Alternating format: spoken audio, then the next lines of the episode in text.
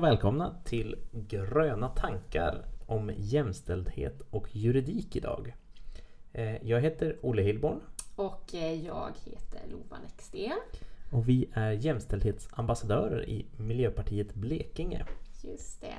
Och eh, idag spelar vi in vårt allra första poddavsnitt. Så det här är ju väldigt spännande. Väldigt spännande och all feedback är bra feedback här till oss. Vi, ni kommer hitta oss på Facebook-sidan och ni kan skriva till oss om ni har åsikter och tankar där. Gör jättegärna det. Mm. Ja, vilka är vi då som sitter här?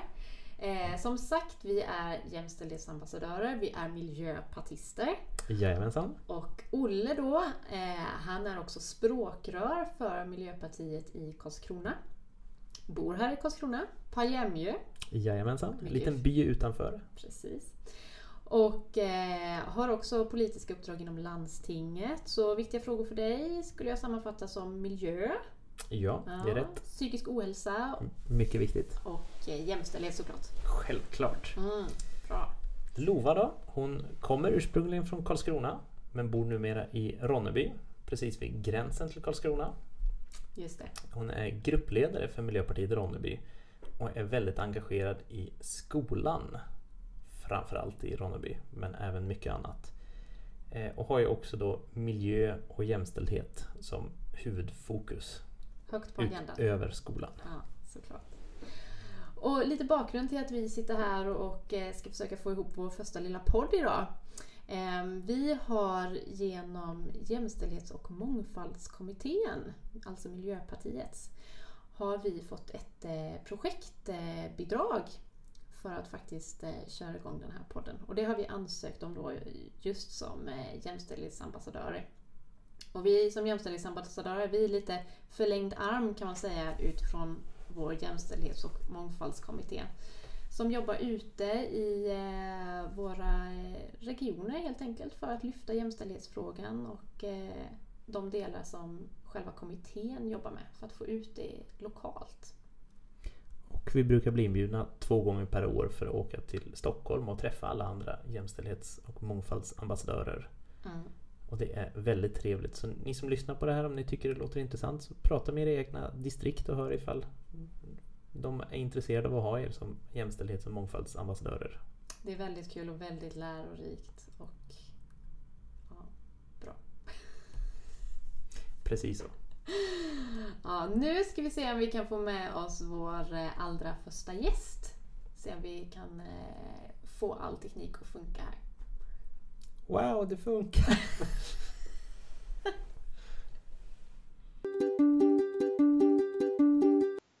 Olle. Ja, ja, ja vi, vi hoppas det. Ja, vi hoppas det.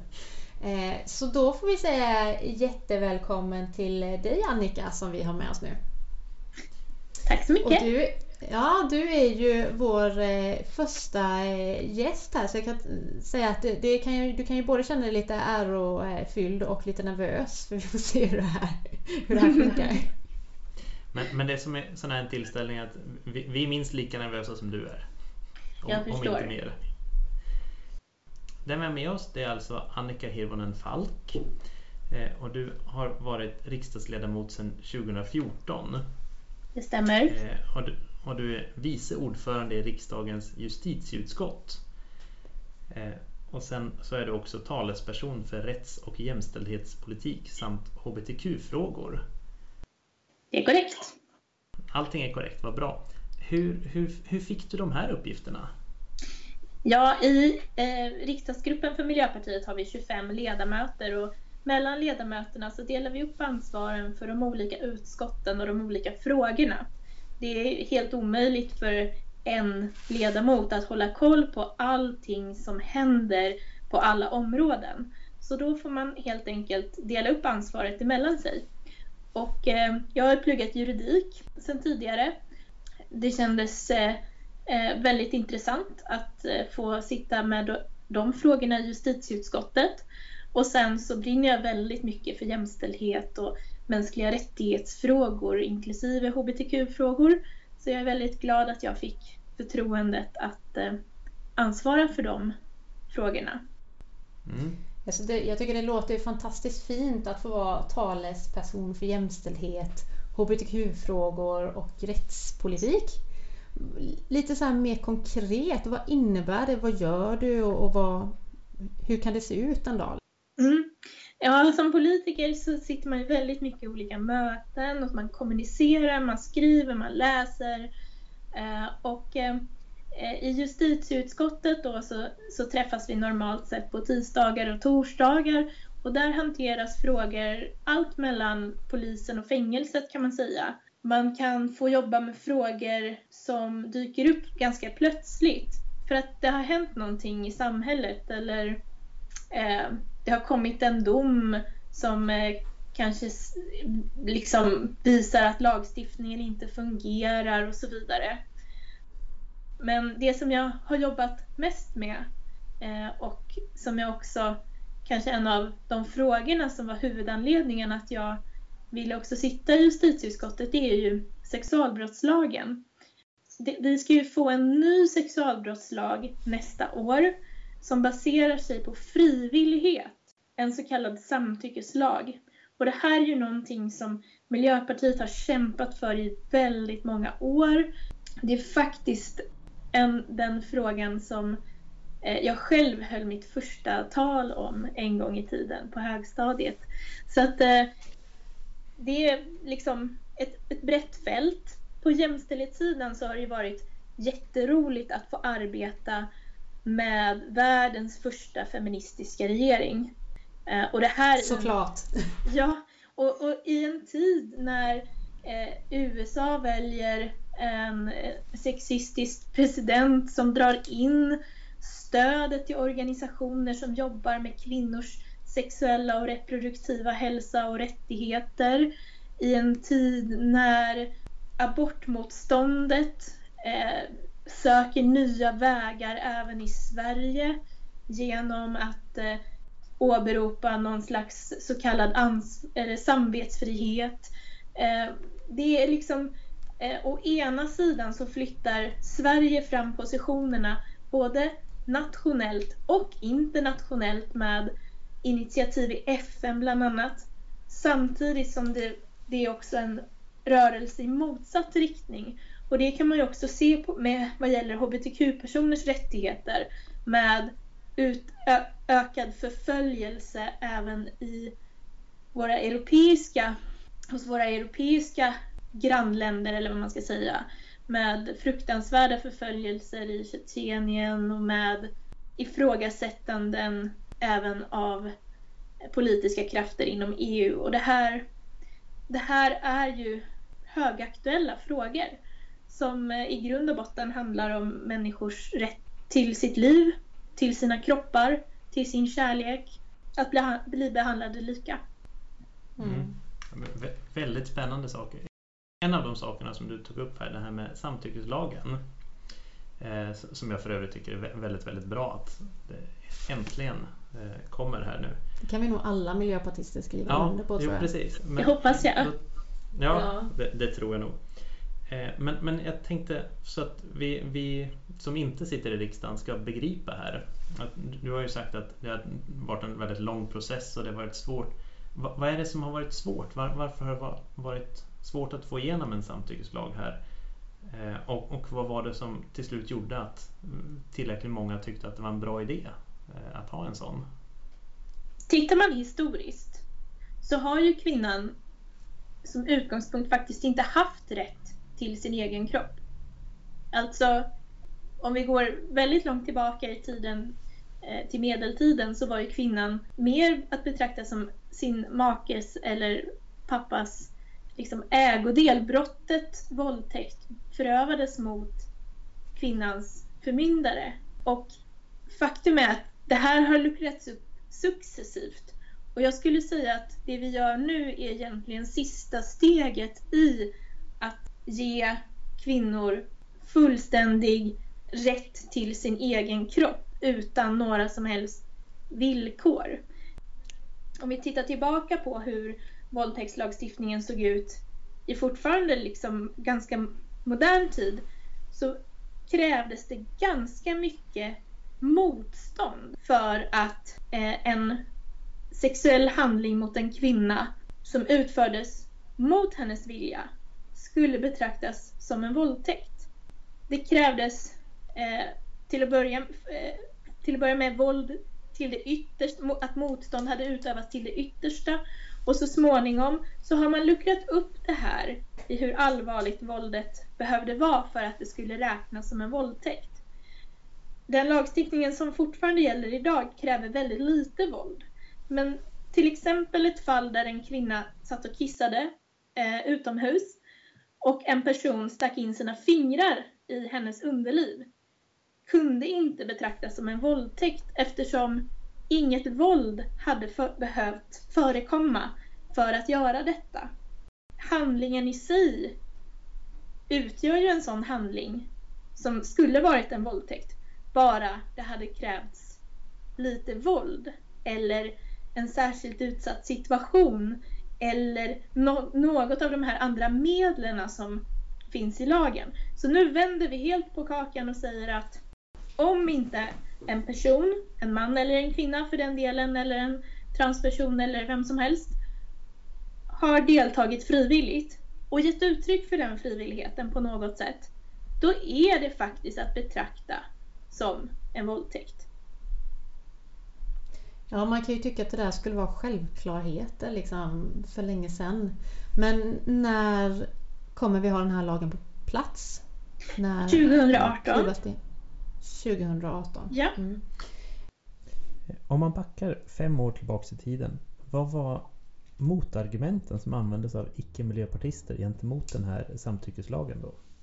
Dels har det ju påståtts att det inte behövs, att lagstiftningen redan täcker alla situationer som man kan tänka sig, för det krävs så lite våld enligt den nuvarande lagstiftningen. Men det vet vi att det är inte på det sättet. Eh, det har vi fått också svart på vitt i några eh, domstolsfall.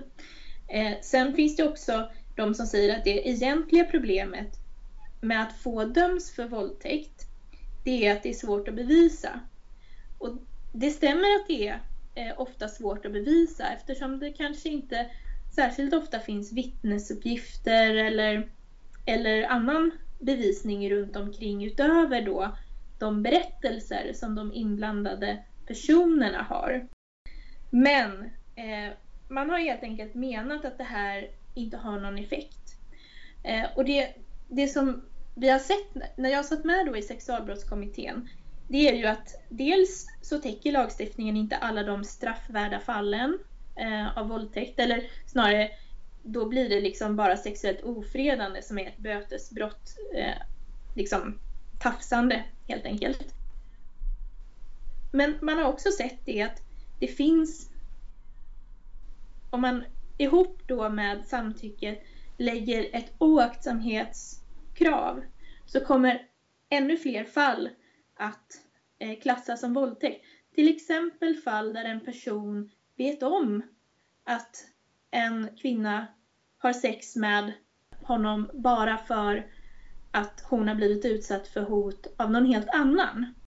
Och den typen av fall kan då också straffas mycket, mycket hårdare än idag. Känner du att eh, lagen som kommer på plats nu, att den känns eh, komplett? Och, eller är det någonting som du känner saknas som du kommer vilja jobba vidare med?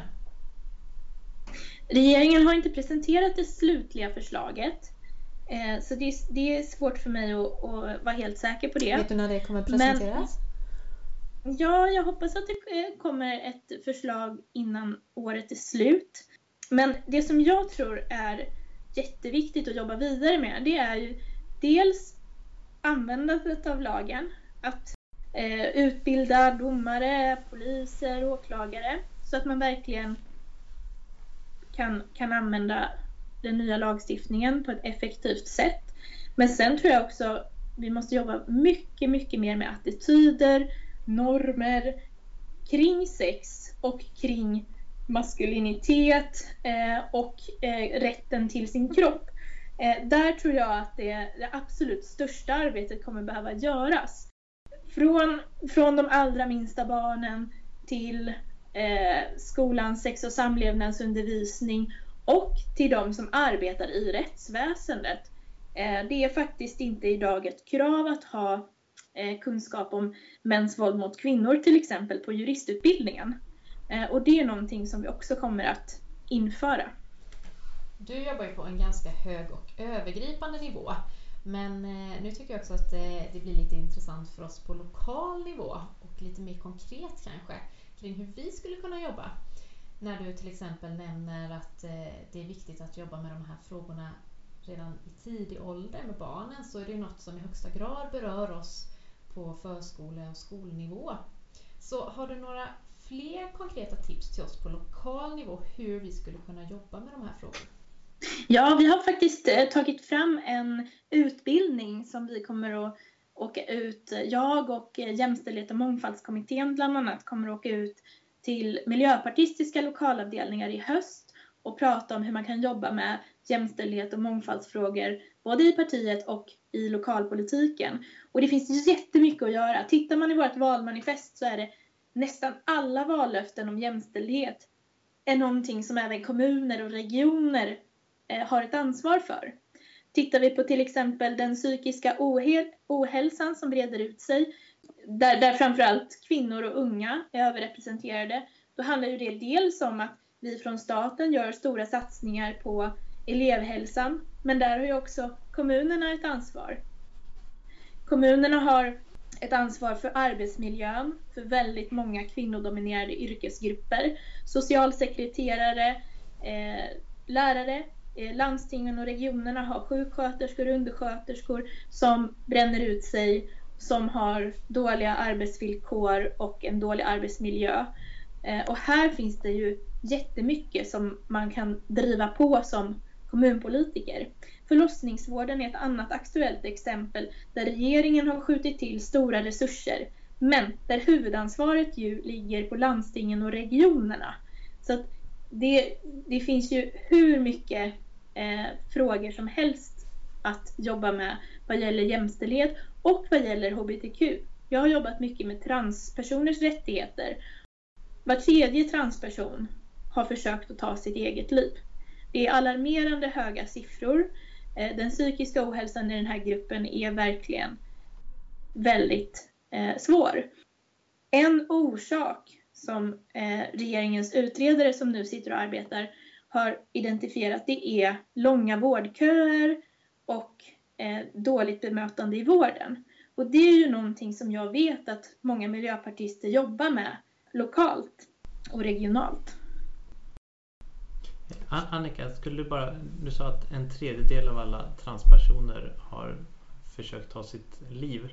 Eh, skulle, skulle du kunna bara nämna alltså, hur, hur många det här är i, i, i, absoluta tal så att vi får en uppfattning om hur många människoliv det gäller? Det finns inte någon sån eh, statistik faktiskt och det är en av utmaningarna med eh, hur vi delar upp människor i kön överlag i statistiken. Att oftast finns det bara alternativen man och kvinna att kryssa i.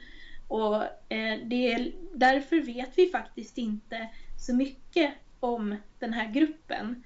Eh, det är få studier som är gjorda på transpersoner. Och få allmän, mycket lite av den allmänna statistiken som ger något utrymme för att eh, få information om den gruppen. Det känns ju som ett medskick även det, att det är någonting som man kan, kan tänka på på alla nivåer. Eh, men jag, jag tänker också, eh, du berättade om vissa delar som du liksom är, är, stolt över att du har drivit igenom och sådär. Har du några andra saker som du skulle vilja lyfta upp att amen, det här känns extra liksom gott att eh, du har fått igenom just när det gäller jämställdhetsbiten? På jämställdhetsområdet har vi gjort enormt mycket. Vi har tagit en tioårig nationell strategi mot mäns våld mot kvinnor som inkluderar eh, våld i nära relation brett och hedersrelaterat våld och förtryck. Fokus ligger på förebyggande och det är överlag något som jag är väldigt glad över att man har liksom fokuset eh, på att man faktiskt inte ska bli utsatt, inte ska bli slagen och så vidare. Eh, och där blir normarbetet också viktigt. Vi har eh, infört en tredje reserverad månad i föräldraförsäkringen, den så kallade tredje pappamånaden, vilket är otroligt viktigt för att få bukt med ojämställdheten både på arbetsmarknaden och vad gäller det obetalda hem och omsorgsarbetet. För svenska par är generellt sett ganska jämställda tills första barnet föds. Och därefter så halkar kvinnor efter i lön, eh, hälsa etc.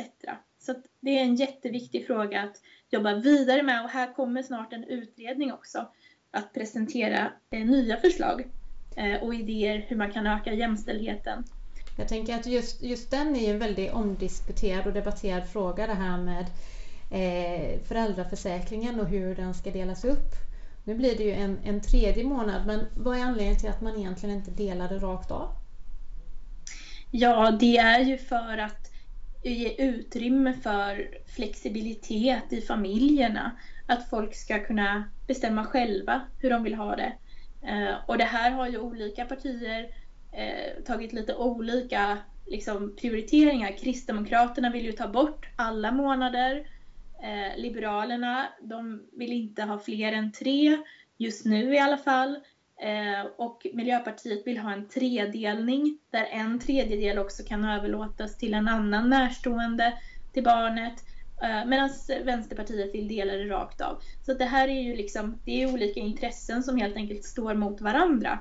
Men det är i alla fall ett första steg på vägen. Absolut, och eh, de tidigare stegen har varit betydelsefulla men jag tror att vi måste gå längre om vi ska eh, få alltså, fler pappor faktiskt att bli närvarande föräldrar från början. Mm. Eh, ja, men väldigt spännande. Eh, vi, har ju, vi har ju också lusläst de här motionerna som du har skrivit i riksdagen. Eh, och vi, vi, har lite frågor om dem. Men jag tänkte att skulle du bara lite snabbt kunna berätta hur, hur du börjar skriva en motion och, och liksom vilka som är med på och skriver under den och så. Är det Miljöpartiets eh, hela hållning eller är det de riksdagsledamöternas hållning som, som man motionerar om? Så, alltså bara ge en liten översiktlig bild hur, hur det fungerar. Ja, nu är vi ju första gången i regering och då är det inte lika mycket motioner som skrivs utan då ligger fokuset på att påverka regeringens politik och regeringens budget. Eh, så motionerna kan man väl säga är eh, ett sätt att markera i vissa frågor som kanske inte direkt handlar om budgeten och som är viktiga för en själv. Eh, vi skriver inte några partimotioner när vi sitter i regering, alltså det vill säga motioner som till exempel hela riksdagsgruppen ställer sig bakom Eh, och inte heller sådana som fler än fyra ställer sig bakom. Så det är en sån här, vad ska man säga, tradition som finns. Eh, och eh, jag har valt att skriva motioner på frågor som ehm, där, där, där jag ser att det finns ett, en, en politisk poäng att faktiskt lägga förslaget. Att det kanske kan få en effekt genom att eh, i det här fallet då med sexistisk reklam få eh, riksdagsutskottet eh, med flera partier då över blockgränserna att uttala sitt stöd för den här frågan. Vilket vi också lyckades med. Det, det, är ju en av de, de motionerna som vi har, har kikat lite extra på och tycker låter jättespännande. Kan du berätta lite mer, vad innebär det här med att, ett förbud mot sexistisk reklam och, och vad ser du att det ska ge? Liksom, mm. i, eh, det finns i våra nordiska grannländer eh, lagstiftning mot sexistisk reklam eller könsdiskriminerande reklam som det också kallas. Och för mig så handlar det ju om att eh, få bort eh, den här typen av bilder, framförallt från det offentliga rummet. Eh, sexistiska eh, bilder på eh, avklädda kvinnor eller eh, ja, vad det kan vara för. Det finns ju eh, alla möjliga exempel som man kan hitta om man till exempel eh, kollar på den ideella organisationen Reklamombudsmannens eh, utfall. Vi har idag ingen lagstiftning mot det här eh, och det gör att framförallt oseriösa aktörer som inte bryr sig alls om den här frivilliga instansen Reklamombudsmannen kan fortsätta och till exempel köra runt i skåpbilar tapetserade med pornografiska bilder och det får inga konsekvenser överhuvudtaget. Yes, spännande. Eh, jag, jag, jag tänkte också på, Eh, du, du, du, har redan varit inne och nosat på en, på en annan motion här som du har skrivit. Det här gällande införande av ett tredje juridiskt kön. Alltså du, du har berättat dels om att ja, men, eh, om poänger med det för att eh, det ska finnas statistikunderlag. Och sen i motionen så skriver vi också att ja, men man ska inte behöva definiera sig som varken man eller kvinna om man, om man inte vill, vill det. Och, och, och, du har också skrivit en motion om att eh, barn ska kunna ha fler än två vårdnadshavare. Och allt det här det är ju alltså det är ganska normbrytande mot hur en, ja, men, om man använder uttrycket, traditionell familj ser ut. Eh, eh, och då, då, undrar jag liksom att eh, ja, men det, det bryta normer eh, och hur man definierar sig och hur man definierar sig som grupp. Eh, vad, vad, ser du för nästa steg som, för nästa steg här? Vilka liksom normer är det mer som behöver utmanas? Eh, och vad kommer du driva här? Alltså det här, alla de här frågorna, även sexistisk reklam, det är ju frågor som Miljöpartiet har gått till val på och som vi har drivit länge. Och tittar man på familjepolitiken så är det ju inte så att de flesta, eller liksom eh, nästan alla familjer ser ut sådär som det brukade göra med en mamma och en pappa och två barn. Utan vi har massa olika familjekonstellationer idag och lagstiftningen är inte anpassad efter hur de moderna familjerna ser ut.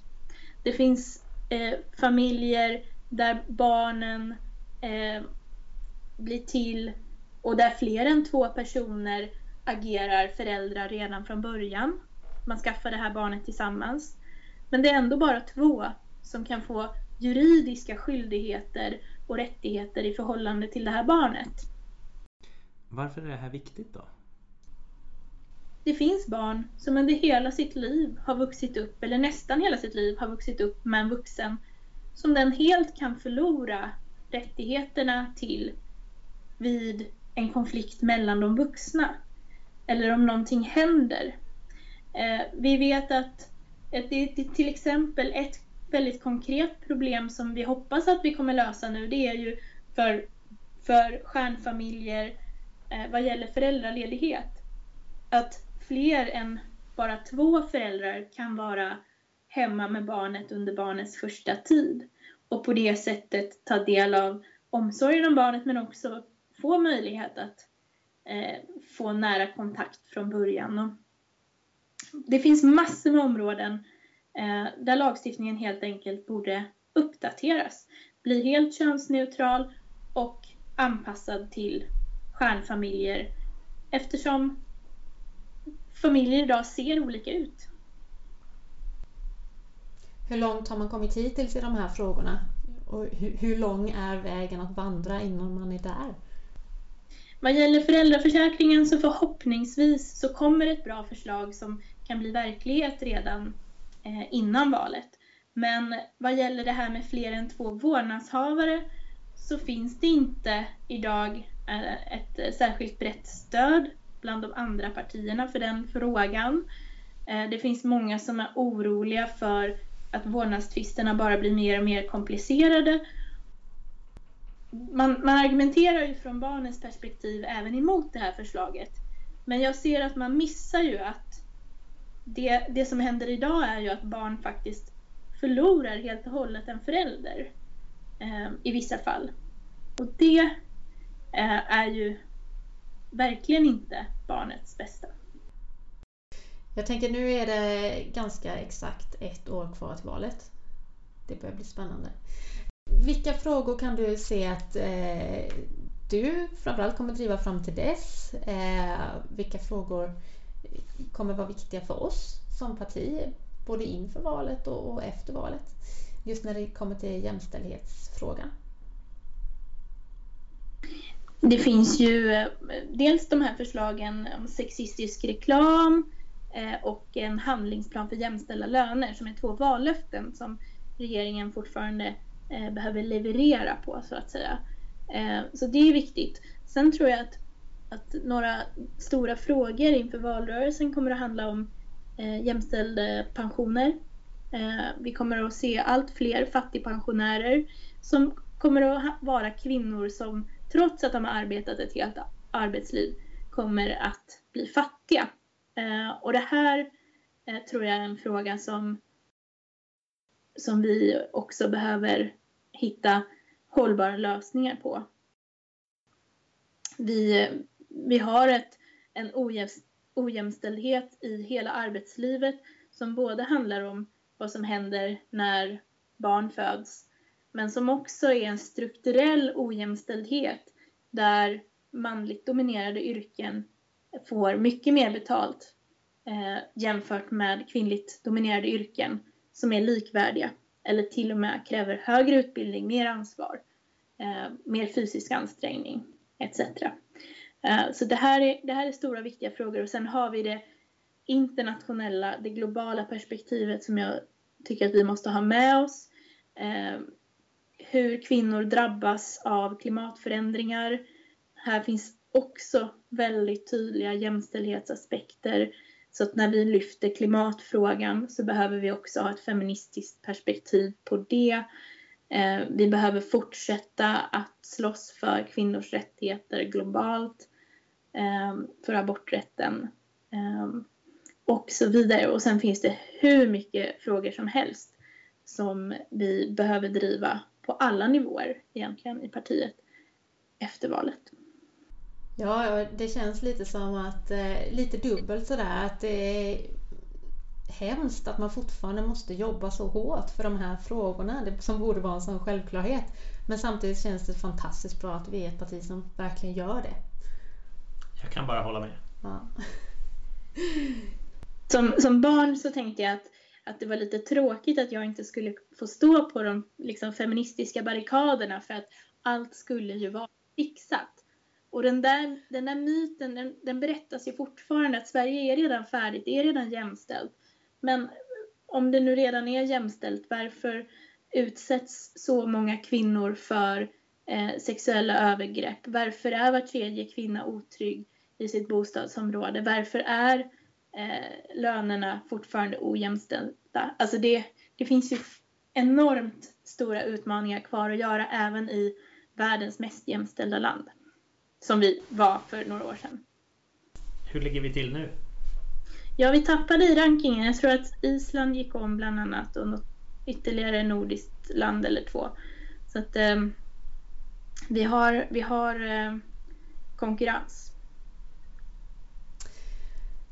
Annika, tack snälla för eh, allt som vi har fått från dig. Det känns som att nu har vi fått en eh, ganska bra bild av vad du gör, vad vi som parti driver vad vi skulle kunna göra här lokalt. Mm, absolut. Eh, är det någonting som du känner att vi har missat här nu som du skulle vilja skicka med oss?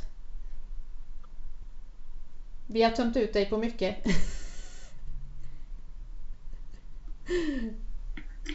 Oj, det finns, det finns ju så mycket att prata om här. Eh, men jag tror inte att eh, det, det är läge att öppna upp för ännu en eh, en stor fråga om, om vi ska avrunda. Vi, vi tar det i nästa, nästa avsnitt med dig då. det kan bli många. ja du Olle, det var ju superkul att ha med Annika verkligen. Vad känner du att du har lärt dig av det här? Oj, jättemycket. Eh, typ allt hon sa. Ehm, men, men det var också några saker jag tänkte lite mer på. Eh, och det, det är ju dels det här ehm, hur riksdagsarbetet ser ut. Alltså hur, hur motionsskrivandet går till, att de är bara några stycken som står bakom motionerna. Ehm, och sen också lite hur det ser ut med deras ansvarsområden. Tyckte jag var jättespännande. Men sen är ju inte alla sådana politiska nördar som jag är. Men jag måste faktiskt hålla med. För att jag, jag tycker det är fantastiskt att höra om deras jobb. Och jag blir också så himla imponerad av att eh, de har fått fram och drivit igenom så här många frågor som Annika berättar om. Det känns tryggt och väldigt, väldigt bra att ha så engagerade riksdagsledamöter. Verkligen. Ja, det måste jag hålla med om. Och ja. om någon av er riksdagsledamöter lyssnar så vill vi säga bra jobbat till er. Precis, tummen upp. Eh, sen tyckte jag det var bra det här som Annika pratade om barnperspektivet. Mm, hur tänker du där? När man pratar om familjen att alltså, man pratar om barns rättigheter till vuxna. Och Mm. alltså inte bara föräldrar utan ja, men det här som hon beskrev eh, att vid en, vid en separation när det är till exempel mamma och eh, då en, en man då eh, som, som inte har ett gemensamt barn utan de, de separerar och att då liksom barnet förlorar eh, rättigheten till den här mannen då. Eh, Det tycker jag var ett jättebra perspektiv och någonting som jag inte hör folk prata om särskilt ofta. Eh, Så, så det, det tar jag verkligen med mig. Mm. Ja, och jag känner också att det var väldigt bra med de här olika delarna och tipsen kring hur vi faktiskt skulle kunna jobba mer lokalt med de här frågorna. Mm. Jag tänker det som eh, Annika lyfter kring psykisk ohälsa och hur viktig elevhälsan är i det arbetet. Det är någonting som vi behöver jobba mer med i kommunerna. Eh, Sen så tänker jag också på eh, förlossningsvården är ju en het fråga. Och eh, där har vi ju fått lite trevligt tillskott nu också från regeringen. Hur mycket var det? En miljard? En, en miljard ytterligare va? Ja, fantastiskt. Kommer, kommer vara väl, väl värda pengar. Sen har jag faktiskt lärt mig en sak till. Ja, jag lyssnar. Det är jättekul att spela in podd. Ja, det är roligt. Ja, eller hur? Det, det är hemskt svårt också. Det är lärorikt, eh, svårt, ja jag håller med, och roligt. Ja, Ja, så, så vi gör fler avsnitt va? vi gör av- fler avsnitt. Ja, vi Och- kör på det. Ja, och vi har ju faktiskt till och med ytterligare en gäst inplanerad. Vem är det Olle? Jajamensan, det är Jonas Eriksson. Också, också riksdagsledamot. Mm. Han är gruppledare i riksdagen. Så jag har, jag har tänkt att vi ska fråga honom lite om hur riksdagsgruppen säkerställer liksom en jämställd arbetsordning och alltså hur, hur de driver olika frågor kring jämställdhet tillsammans då. Lite sådär politiskt nörderi igen. Ja, precis. Ja. Jag, vill, jag, vill, jag vill bli nördigare. Det är bra. Men sen, sen vill vi också ge alla ni som lyssnar en chans att ställa frågor också. Så ni kommer kunna gå in på vår Facebook-sida eller gå in på våra ja, profiler vi har på Miljöpartiet och mejla oss. Om ni har några frågor till Jonas som ni vill att vi ska ställa. Mm. Och vår Facebook-sida då, den hittar ni genom att söka på gröna tankar. Så enkelt är det på Facebook. Precis. Mm. Och frågelådan är öppen. Ja, fr- Ja. från och med att ni hör det här så är den öppen. så Ja, det är bara att precis. skriva frågor. Alla ni som lyssnar, vi hoppas ju att ni är åtminstone tre. Exakt. Nu ska vi se. Min mamma, din, min pappa, din mamma, din pappa. Minst fyra. Ja, jag tänker min man och din fru. Nej men alltså nu, ja. Ja, Ja. lite- precis. Min- minst åtta stycken kan vi hitta som, som måste lyssna på det. Och Jättebra. Annika säkert. Och måste ställa frågor också. Ja, det kommer bli lysande det här. Vilket avsnitt. Eh, men eh, då ska vi bara klippa ihop den här lilla sötnosen också. Mm. Så eh, det har vi ju givetvis gjort när ni lyssnar på det här. Så hoppas vi att det blir ett lysande resultat. Jag kommer att spara massor med outtakes. Och det får bli ett sånt här extra poddavsnitt. När Lova skriker Till- och när Lova säger mm. Och när Olle klickar med pennan. Exakt. Ja, så nu har ni det redan. Ja men härligt. Vi hörs igen hoppas jag. Ja, tack så mycket. Vi hörs. Tack. Hej då.